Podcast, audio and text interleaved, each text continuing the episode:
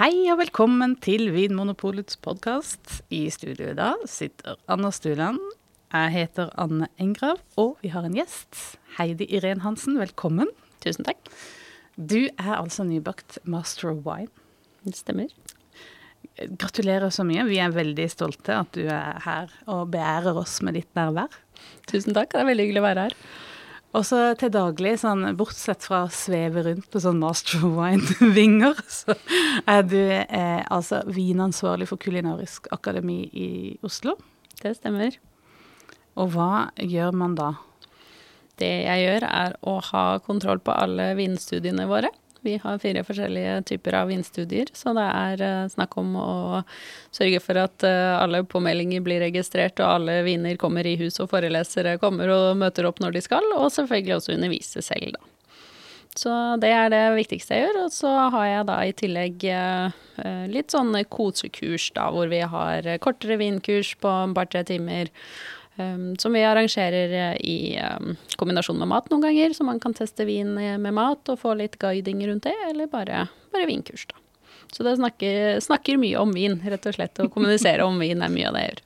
Drømmer du om vin òg, kanskje? Det? Ja, det hender ganske ofte, det. har, du hatt, har du noen gang hatt mareritt? Det er, som, det er liksom vinen har vært involvert, eller?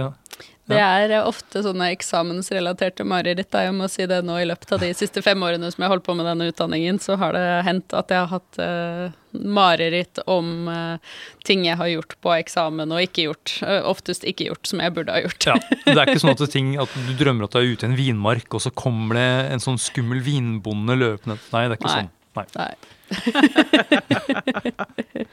ikke det at jeg har det, altså. Nei da. Men eh, du har jo altså da lært veldig mange om vin, i tillegg til at du har lært, lært deg sjøl veldig mye om vin. Så derfor så tenkte jeg at temaet for denne episoden skulle handle om å lære vin. Men da litt mer sånn på privaten.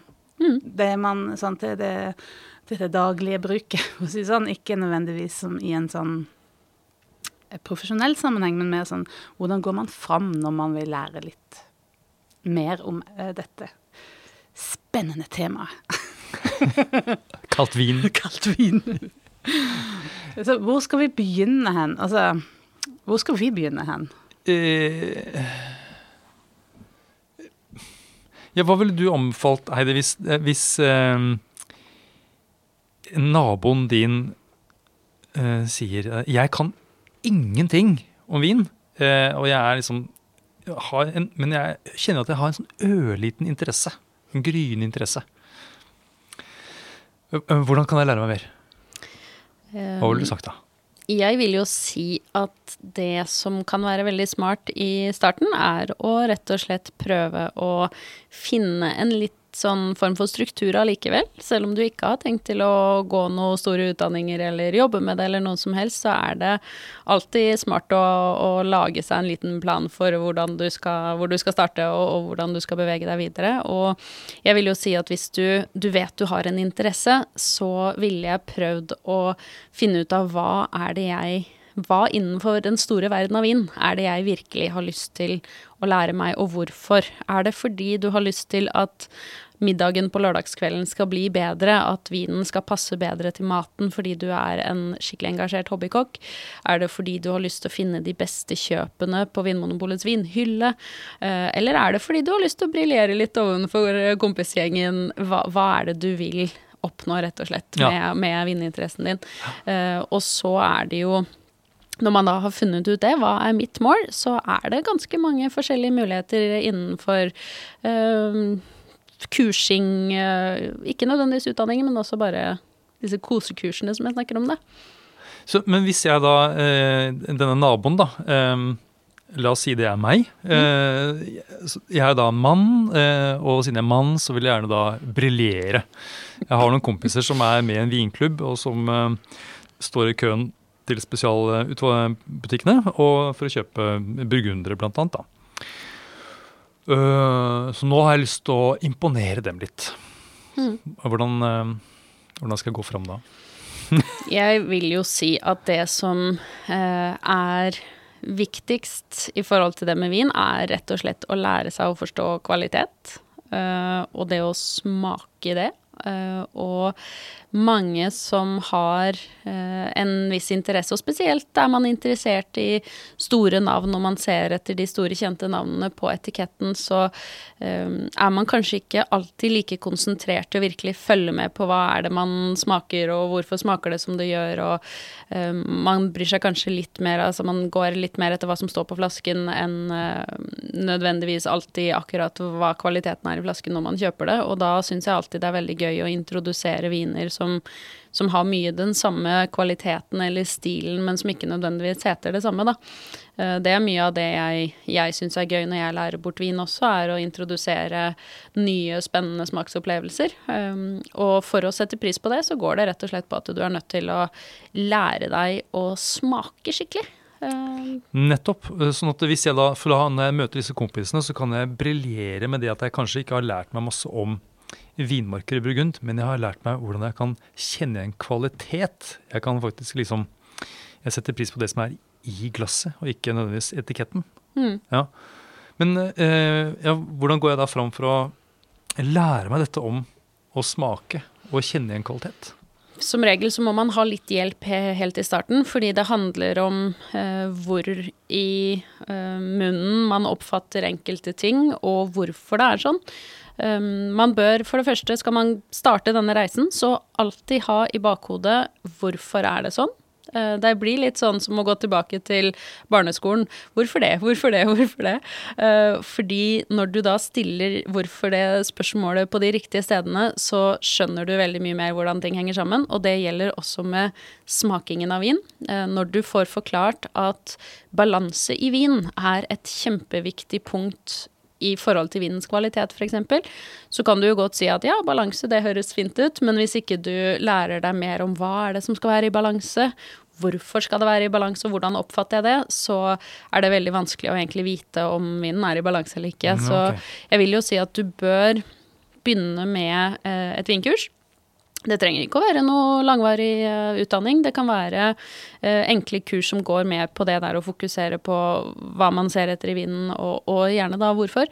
Og så gå litt systematisk til verks. Mm. Ikke liksom sette deg ned på fredagskvelden foran TV-en og åpne en ny vin og tenke at ja, nå skal jeg smake denne om den er god kvalitet eller ikke, men at du faktisk setter deg ned, uh, konsentrerer deg om det du gjør, for vinsmaking er en konsentrasjonssport òg. det er ganske slitsomt, og du må være fullstendig påskrudd med alle sanser, utseende, duft luftsmak, alt skal liksom oppleves.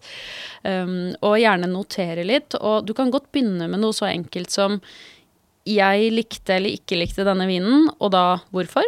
Um, jo, jeg syns det var for mye syre, for lite syre, for mye tannin, eller noe sånne ting.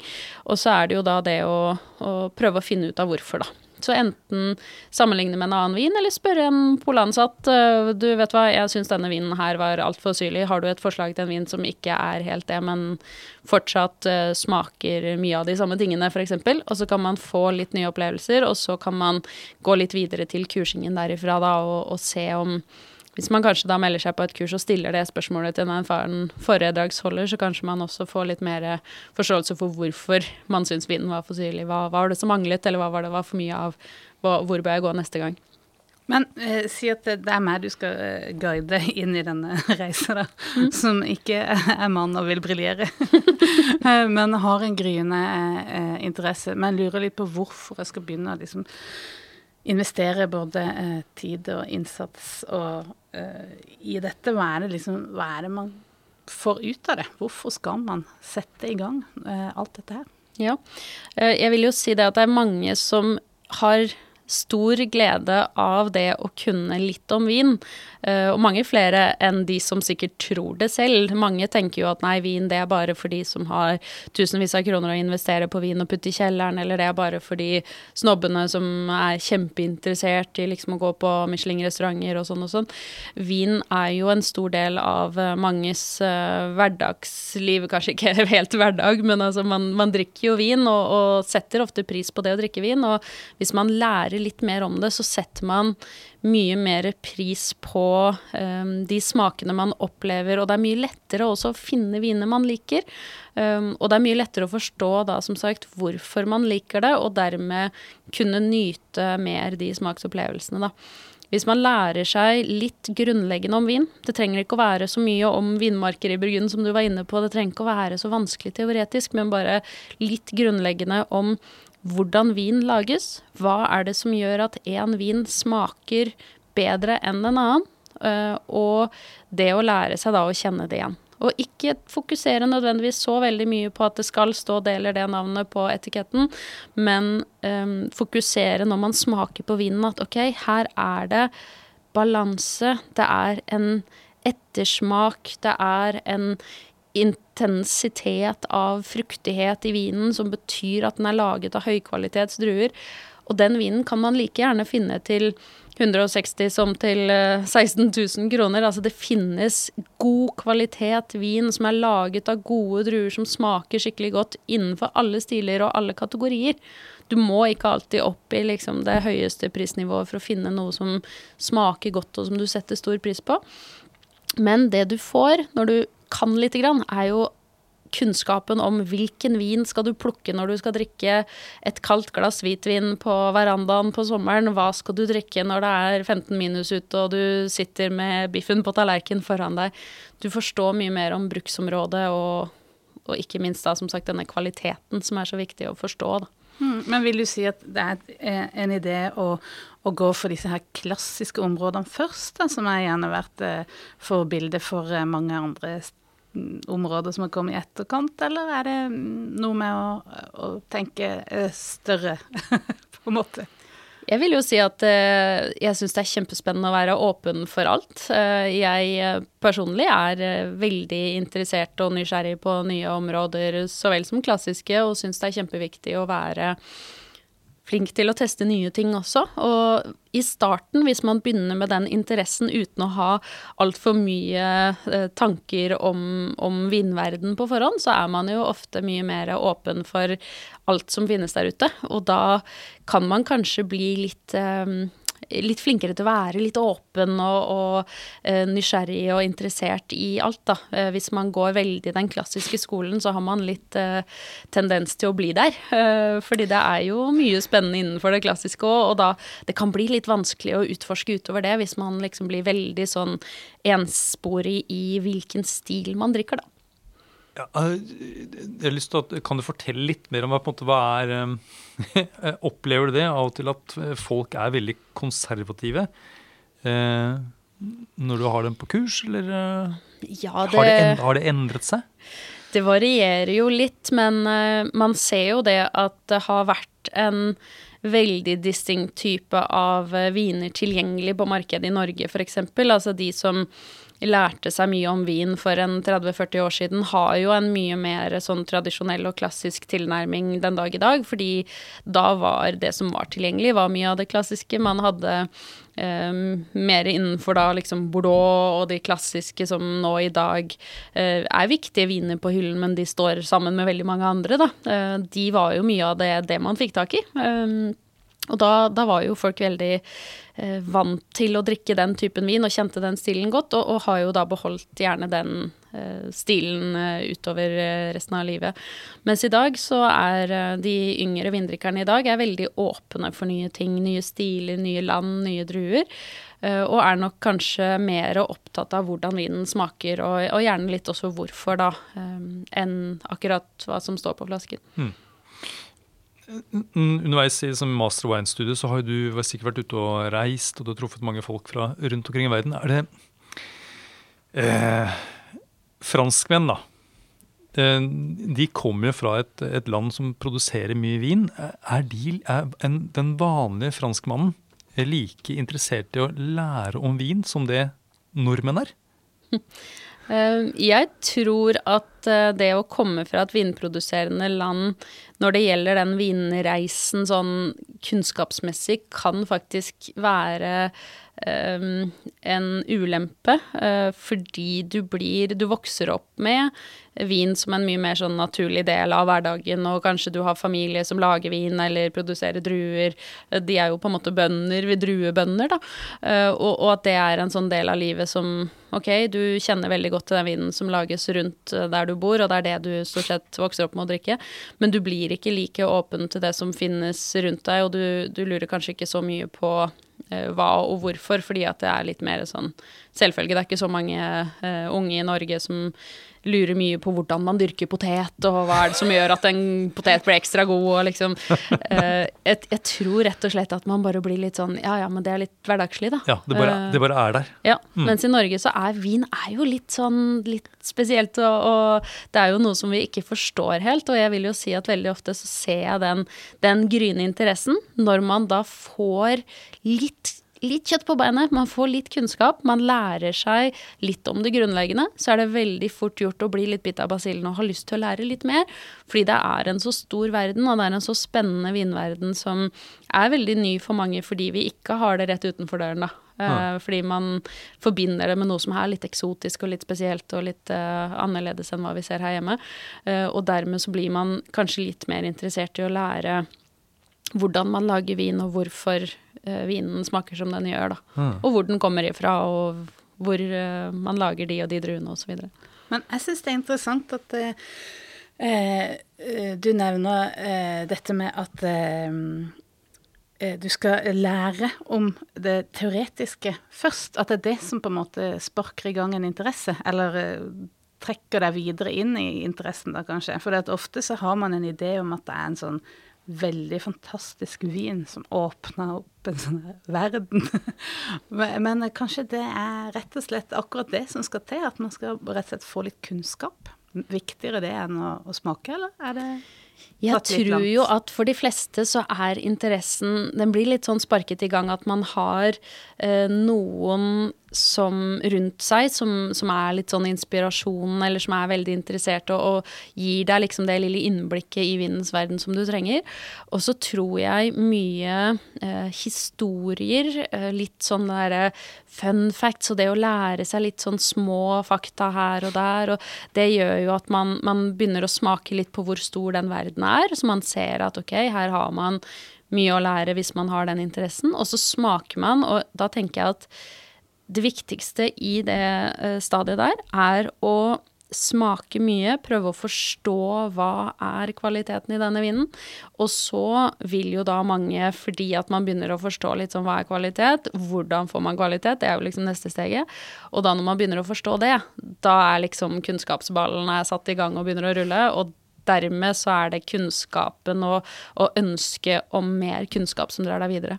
Så du kommer gjerne inn i det av eh, litt sånn Du blir inspirert, eh, og så dras du videre av ønsket om å lære mer fordi du forstår hvor mye som finnes eh, av eh, vinkunnskap og vinopplevelser å, å, få med seg.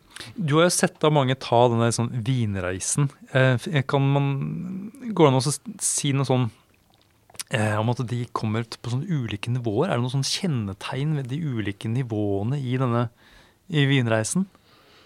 Det som er litt gøy, er at veldig ofte så um, Når man er ganske ny i vinens verden, så får man en sånn ufattelig mestringsfølelse uh, av å liksom fått inn grunnkunnskapen. Og det, det, er fordi at vin for mange virker så utrolig vanskelig når man står helt på utsiden, når man bare har den interessen som du snakket om i stad. Jeg er litt interessert og jeg har lyst til å lære mer.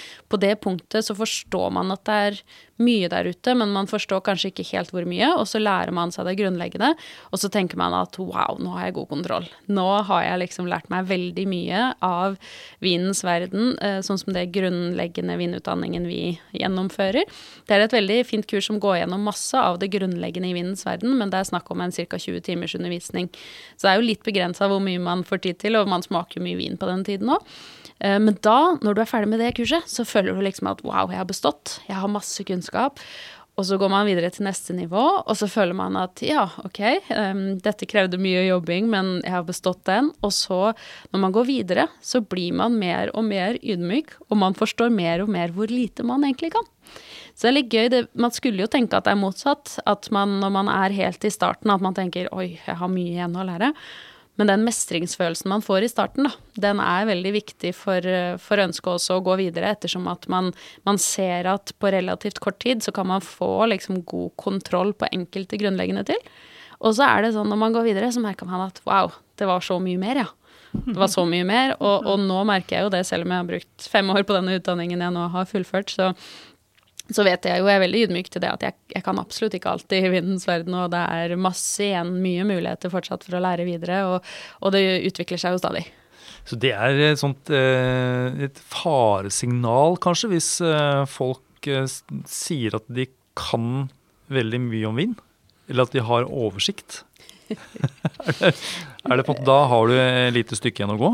Det er jo kanskje en sånn ting som eh, er litt eh, Som kjennetegner mange ting i samfunnet, da. Hvis du er nødt til å fortelle at du er veldig flink, så hender det jo at det Nei da. Men eh, det mm, man, man, kommer til et punkt hvor man skjønner etter hvert hvor mye som gjenstår, da. Men det er jo veldig viktig å få den der gode følelsen underveis, for det skal ikke være et et, et, fag og et tema som liksom trykker deg ned, og du skal ikke føle deg uh, tynget av det at oi, det er så mange ting jeg ikke kan. Det er jo viktig å få den der gode følelsen på at wow, nå kan jeg så mye mer enn når jeg begynte.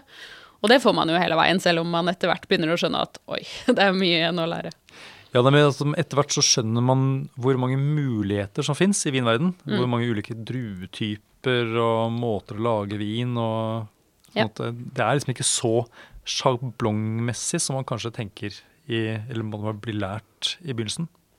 Nei, jeg tror mange mm, tenker at vinverdenen er litt mer eh, sort-hvitt og A4 enn det den er også, for det handler jo mye om det eh, subjektive rundt smaker og hva man liker, og nå har jeg snakket om den der eh, objektive kvaliteten, det å gjenkjenne kvalitet i vin. For det er jo enkelte punkter som man skal se etter, som må være til stede for at man skal kunne si at en vin er god kvalitet. Ja, kan du ikke ta eh, bare sånn raskt, hva er det som skal være på plass da? Vi kaller det gjerne for blikk i uh, utdanningsverden, og det er da balanse, lengde, intensitet, kompleksitet. Ja. Eller blik, da. Og de punktene det er noe som man kan, objektivt sett, så kan man sette seg ned, smake vinen, og så kan man si har den en god lengde, og da er det fruktkonsentrasjonen vi alltid snakker om. Er den lang, er den middels, er den kort? Enhver vin som er det vi gjerne kaller da for en, en svært god kvalitet uh, type vin, har en god lengde, altså fra middels pluss og, og utover, um, fordi det må liksom være til stede for å bygge opp alle de strukturelle egenskapene i vinen. Så det kan man si, helt objektivt sett, så kan man sette seg ned med en vin, og så når du har gjort dette her nok ganger og har trent mye på vinsmaking, så kan man si at dette her er en svært god kvalitet vin, uavhengig om du liker den eller ikke. Mm. Og det er litt der man trenger å komme, fordi de som gjerne har smakt vin mange uh, år, men ikke har egentlig konsentrert seg mye om kvaliteten, litt mer sånn 'den liker jeg, den liker jeg ikke', der er det kanskje litt vanskeligere å sette seg ned og tenke 'ja, dette er en høykvalitetsvin, selv om ikke det er min stil'. Eh, for det handler jo ikke om 'liker du eller liker du ikke vinen'. Det handler om er vinen riktig laget av høykvalitetsdruer, og har de gjort det beste de kan ut ifra hva de vil. Og, og forstå da at alle har ikke lyst til å lage Grand Cru Burgund. Noen har også lyst til å lage en deilig, saftig, drikkbar uh, rød eller hvitvin som, som, er laget for å drikkes neste år, da. Um, så det å, å, prøve å liksom forstå kvaliteten og stilen til vinen, og, og, hvorfor den er laget som den er, og. Men eh, da lurer jeg på, når man da Har du sett en utvikling når folk begynner på denne har denne gryende interessen. Begynner å, å, å, starte på kurser på de laveste nivåene, da. Eh, og utvikle seg videre. Endrer man da hva man liker og ikke liker? Ja, man går gjerne i retning av smaker som er litt mer nedtonede og elegante. Um, det blir litt sånn det samme som når man er eh, yngre og det man lærer seg å like å spise og sånne ting. Man utvikler jo hele tiden smakene. Eh, og det går rett og slett på at i starten i vinverden så vil man gjerne ha smaker som er veldig tilgjengelig. For det, det er mye lettere å, å liksom få noe ut av en vin hvis den er litt sånn tydelig. Når du lukter på den, så hopper liksom duften ut av glasset, og du virkelig kjenner at wow, det lukter det og det, og man, man klarer lett å oppfatte hva det lukter og smaker. Og gjerne litt sånn søtlig fruktkarakter, eller kanskje litt grann eh, sukker i vinen i tillegg for at det skal være den rundheten.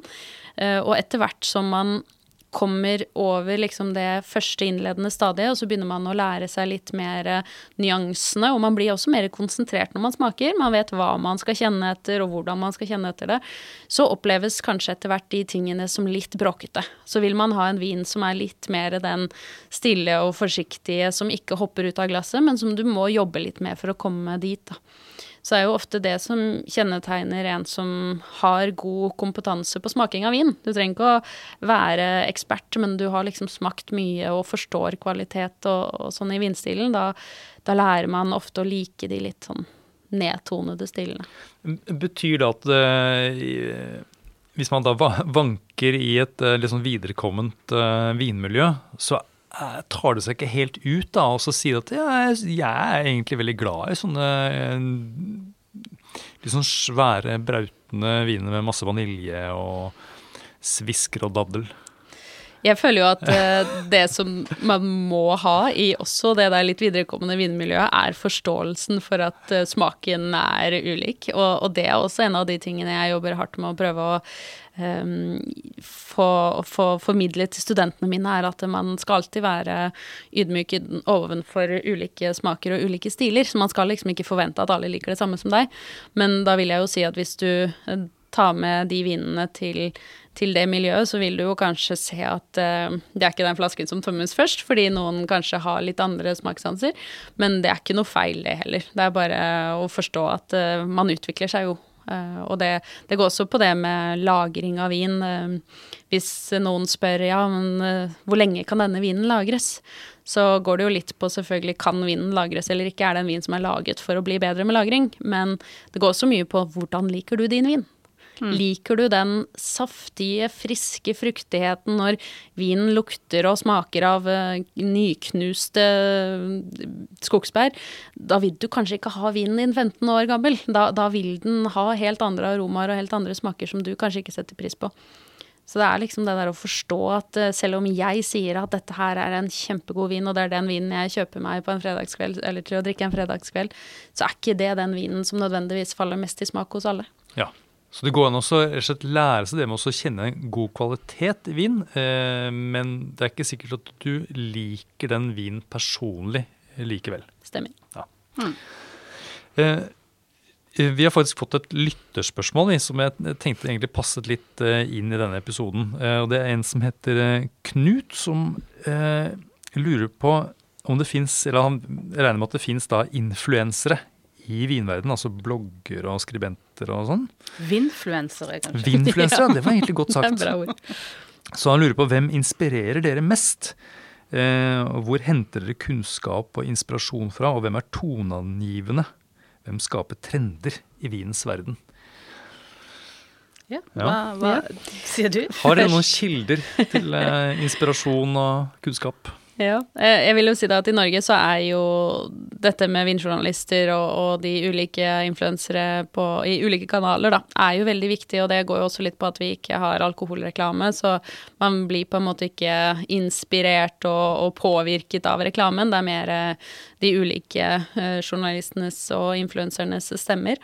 Uh, personlig så har jeg de siste årene brukt mye tid på det litt mer sånn nerdete, kan man si, uh, der hvor man får da mye kunnskap ut ifra det man leser og hører på også, så jeg har brukt litt podkast. Um, det er kjempekoselig med podkast med mye historier og litt sånn, sånne ting, men det har jeg rett og slett ikke brukt tid på. Det har vært litt mer sånn nerdete innholdet. Så altså, du har ikke hørt på vår Nei, jeg skal innrømme at jeg har ikke tatt meg tid til å høre så mye, selv om det er veldig Jeg har hørt litt av det er kjempefint innhold og masse flinke folk som har mye spennende på hjertet, men um, Hvem er det du har hørt på, da?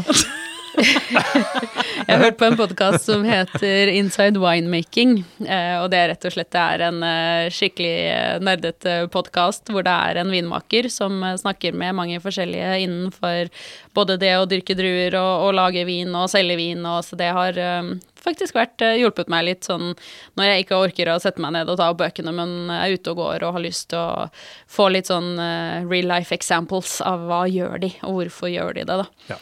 Uh, Eller så må jeg jo si det er mye bra nettsider, og det er jo mye bra som skrives i avisen og sånn. For min del så har det jo vært mer det å hente harde fakta uh, enn det å hente inspirasjon, da, ettersom at jeg på en måte er, uh, har, har, drivet med vin på et såpass nerdete nivå. Ja, og det, altså harde fakta, det høres ut som det er litt, litt kjedelig, men jeg også surfer litt rundt for å finne litt sånn harde fakta, og det er jo noen det er noen land spesielt som er veldig flinke til å ha som har da sånne offisielle eh, vinsider. Jeg syns bl.a.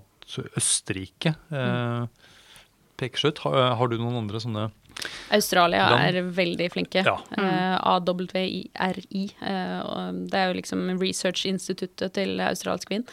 De publiserer åpent massevis av artikler på eh, litt sånn eh, research som er gjort, da. Eh, som går på alt av druedyrkning og innmakning, og også marked og salg og sånne ting, hvis man er litt interessert i det, da. Ja. Eh, ellers er det som du sier, det, det, å se litt sånn hva er de offisielle kildene, fordi det er dessverre ute i uh, influenser- eller vinfluenserverden, så er det en del med litt uh, høye stemmer og klare, tydelige meninger som ikke alltid har de backet opp av fakta, og det må jeg si at noen ganger så, så blir man litt sånn fristet til å Nei, det er ikke helt uh, Stemmer ikke helt. Um, og det, det, er litt sånn uh, det finnes litt myter der ute, eh, og det, det hender at de blir eh, ropt høyt og tydelig i de influensekanalene, og det er jo selvfølgelig litt skummelt hvis man eh, ja, henger seg litt opp i, i, i de historiene som finnes, hvis det er helt feil. Mm. Anne, har du noen Eh, ja, du liker å følge, eller liksom har følt deg inspirert av? Bare for å fortsette akkurat det der med de, de som jeg syns er litt skuffende å følge der. Hvis jeg går inn på f.eks. enkeltprodusentersider, der er det veldig mye varierende også. Og der har veldig mye den derre This is my grandfather. Å, det må, vi, det må vi lage en episode, episode på! ja. Ja.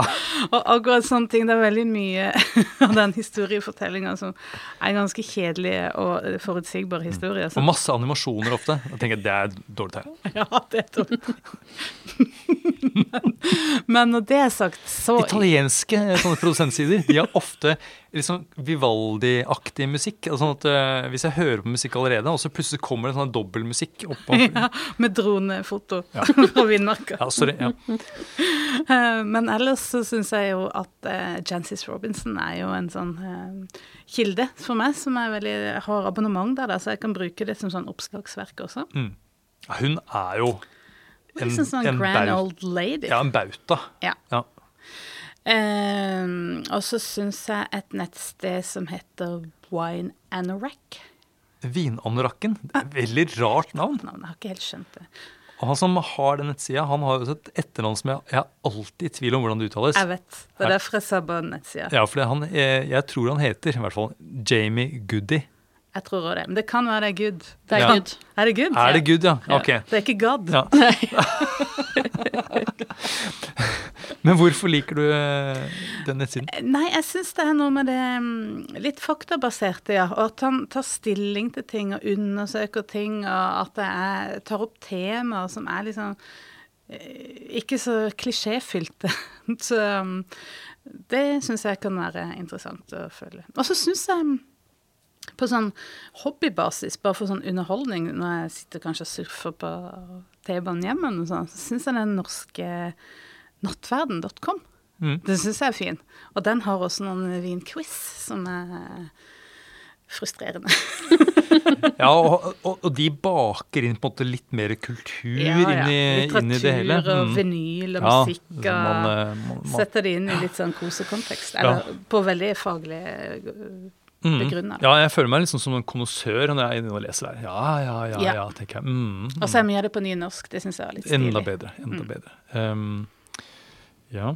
Jeg, eh, det er én nettside som jeg er innom av og til, og det er kanskje ikke for å hente ut fakta eller noen sånn dypere forståelse av ting, men bare sånn for å se en litt sånn enkel og litt um, engasjerende framstilling av ting, og det er uh, Wine Folly.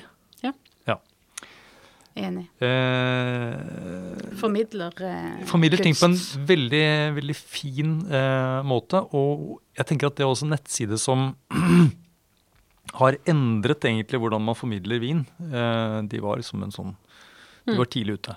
Ja, det er jeg enig i, og det er en eh, nettside jeg også ofte anbefaler for eh, studenter litt sånn i um, spesielt introduksjonsnivået, da, når man har lyst til å få ting litt lettere forklart. Fordi det er jo mange nyanser til alt som er i vinverden, og hvis du blar opp den største, tjukkeste boka, så er det veldig fort å bli litt sånn skremt bort. Så det er veldig fint at det er noen som eh, virkelig gjør det, og, og, forklarer vin også på en veldig sånn forståelig måte. og å ta bort litt av nyansene og, og, prøve liksom å generalisere litt i starten. Mm. Uh, så vil man jo etter hvert se at ok, det å si at uh, det alltid er sånn, det, det kan man sjelden gjøre i vinverden, for det er alltid noen som gjør det annerledes. Men du kan i hvert fall si at de aller fleste gjør det, og da er det litt lettere å lære, da. Ja.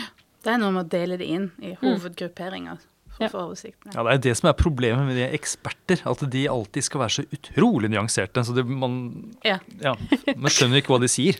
Men jeg tenker jo det sånn i forhold til det som er temaet i dag, og det, liksom det å lære seg om vin, så syns jeg rett og slett det å prøve å finne seg en litt sånn eh, fin måte å gruppere inn, og, og det varierer jo litt fra person til person hva som er målet ditt, som sagt. Da, hva, hva ønsker du å oppnå? Men sett deg gjerne ned, begynn med noen av hoveddruene. Nå skal jeg bruke en måned på å prøve å, eller to eller tre måneder på å prøve å liksom forstå chardonnay. Og så smaker man forskjellige chardonnayer, snakker med de polansatte, går kanskje på noen kurs, stiller noen spørsmål.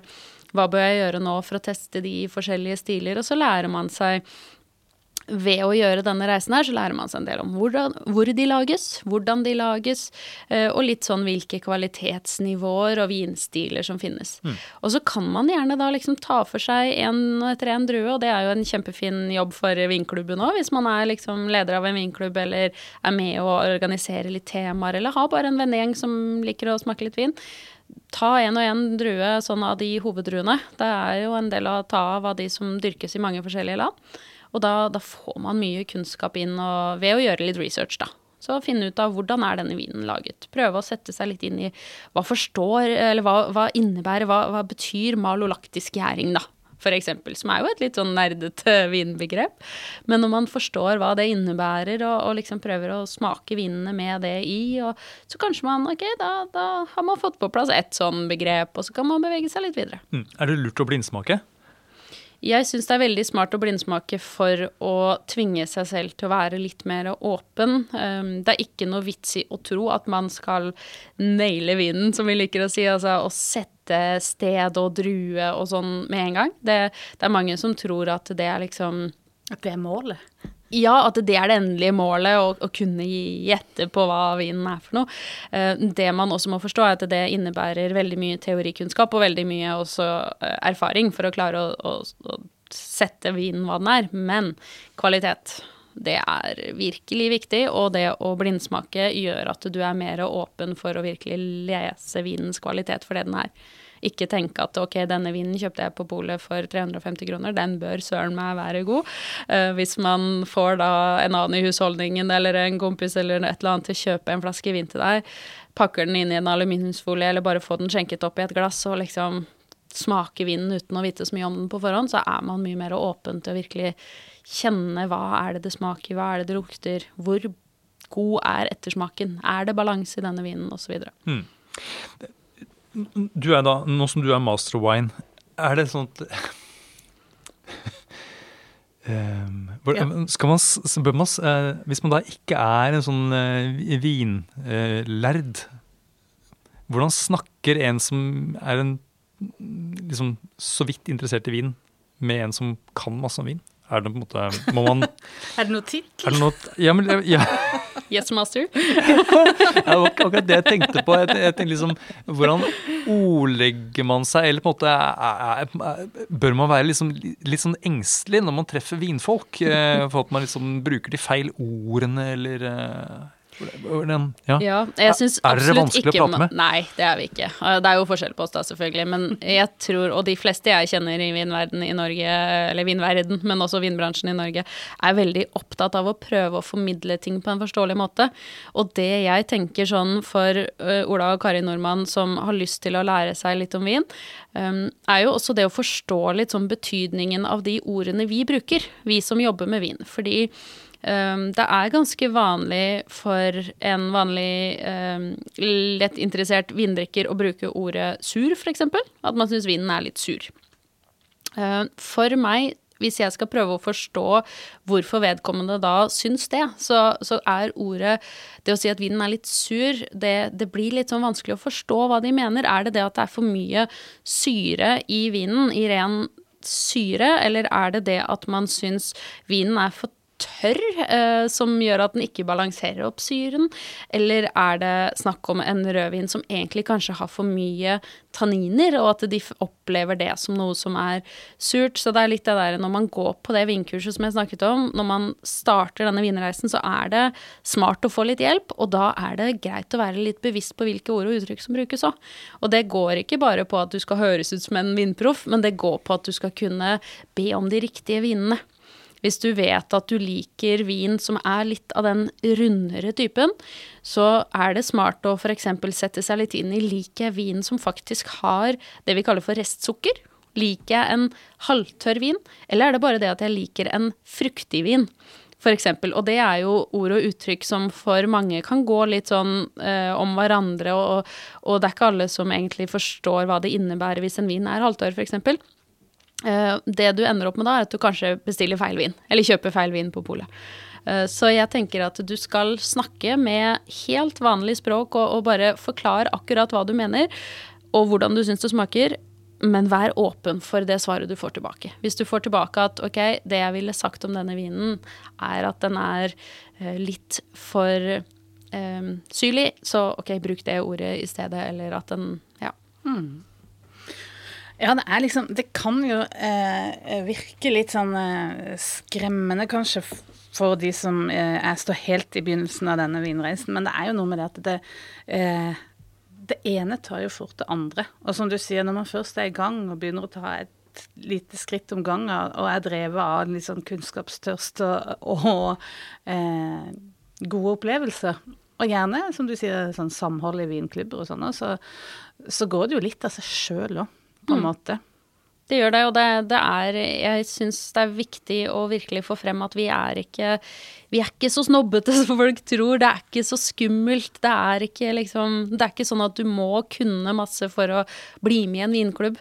Du må bare være nysgjerrig og interessert, og så gjerne litt sånn vilje til å, å endre på de eh, kanskje litt inngrodde tankene som enkelte har om at jo, sånn må det være for at det skal være godt, eller jo, det må komme derifra, eller det må hete det. At man rett og slett er litt sånn nysgjerrig og, og åpen for nye ting, og, og åpen for å lære mer, uansett hvilket nivå man er på. Uansett om man syns man selv er skikkelig flink, eller om man er helt nybegynner, så vil man alltid få noe liksom ut av det og smake nye viner og, og få nye smaksopplevelser.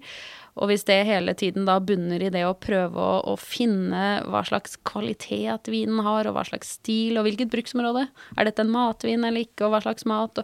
Da vil du få en bedre opplevelse ut av det etter hvert. Du, du, vil lære noe som alle kan ha nytte av. Ja. Jeg tenker sånn helt til slutt eh, Kanskje du Tenk deg at du er kommet et stykke i, gang på denne vinreisen. Du har vært igjennom de viktigste druetypene og, regionene, og du skal ha et tips til vinklubben din. Et litt sånn uventa, gøyalt tema for vinklubben. Eh, enten noe du sjøl har erfart som har vært et, eh, en god idé for et vinklubbtema, eller noe som du eh, tenker er sånn drømmetema sjøl.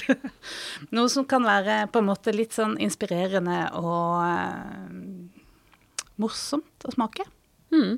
Jeg har en opplevelse som jeg faktisk har gjort for en vinklubb uh, i Ås, som er en veldig flink sånn litt mer av den strukturerte sorten. Der er det notatblokker, og, og folk er liksom virkelig interessert i å få mye ut av, uh, av smakingen. Og der gjorde jeg en årgangssammenligningssmaking. Um, virker jo veldig komplisert, og det, man bør jo kanskje ha en uh, dreven foreleser på det i forhold til at vedkommende skal vite litt om årgangen og hva man bør plukke, da. Eh, for det er jo ikke alltid like lett heller å finne samme vinen i forskjellige årganger. Men hvis man gjør det, og man får eh, to viner som er laget eh, i samme vinmark av samme produsent og fra to forskjellige år, så kan man faktisk forstå ganske mye om hvordan de naturlige forholdene påvirker vinen. Fordi man hører jo mye om, og det med årganger tror jeg er noe av det det er mest myter om også, at liksom å ja, men årgangen er alltid forskjellig, og det er veldig store forskjeller, og noen steder så er det virkelig det, men noen steder òg er det ganske stabilt. Fordi middelhavsklima eksempel, det er rimelig stabilt fra år til år, med mindre det brenner eller er noe veldig spesielt. Men får man en vin fra et, et sted hvor årgangen har mye å si, og man smaker den i en veldig kald årgang og så i en veldig varm årgang, så vil man igjen da kanskje forstå litt mer om hvordan det påvirker. Så en av de morsomste sånne vinklubbsmakingene jeg har gjort. Også litt utfordrende for min del, og, og gjestene satte veldig stor pris på det. Mm. Ellers er det som sagt de der hoveddruene. Det er kanskje liksom det viktigste tipset sånn for vinklubben som vet at ok, vi er veldig glad i å drikke vin, men vi mangler litt strukturen. Ta for dere én og én drue, smak eh, fire forskjellige viner av samme druen fra fire forskjellige steder, laget på forskjellige måter i forskjellige kvalitetsnivåer. Og da også vil man få mye veldig mye ut av smakingen. Flott. Det var gode tips. Har du noe å tilføye til slutt, Anders? Nei, jeg, jeg har lært masse. Ja, samme. Tusen takk, Heidi. Bare hyggelig. Takk for at jeg fikk komme. Takk for at du hører på Vinmonopolets podkast. Har du forslag til et tema i podkasten? Send mail til podkast at vinmonopolet.no. I tillegg svarer kundesenteret deg på e-post, chat og telefon.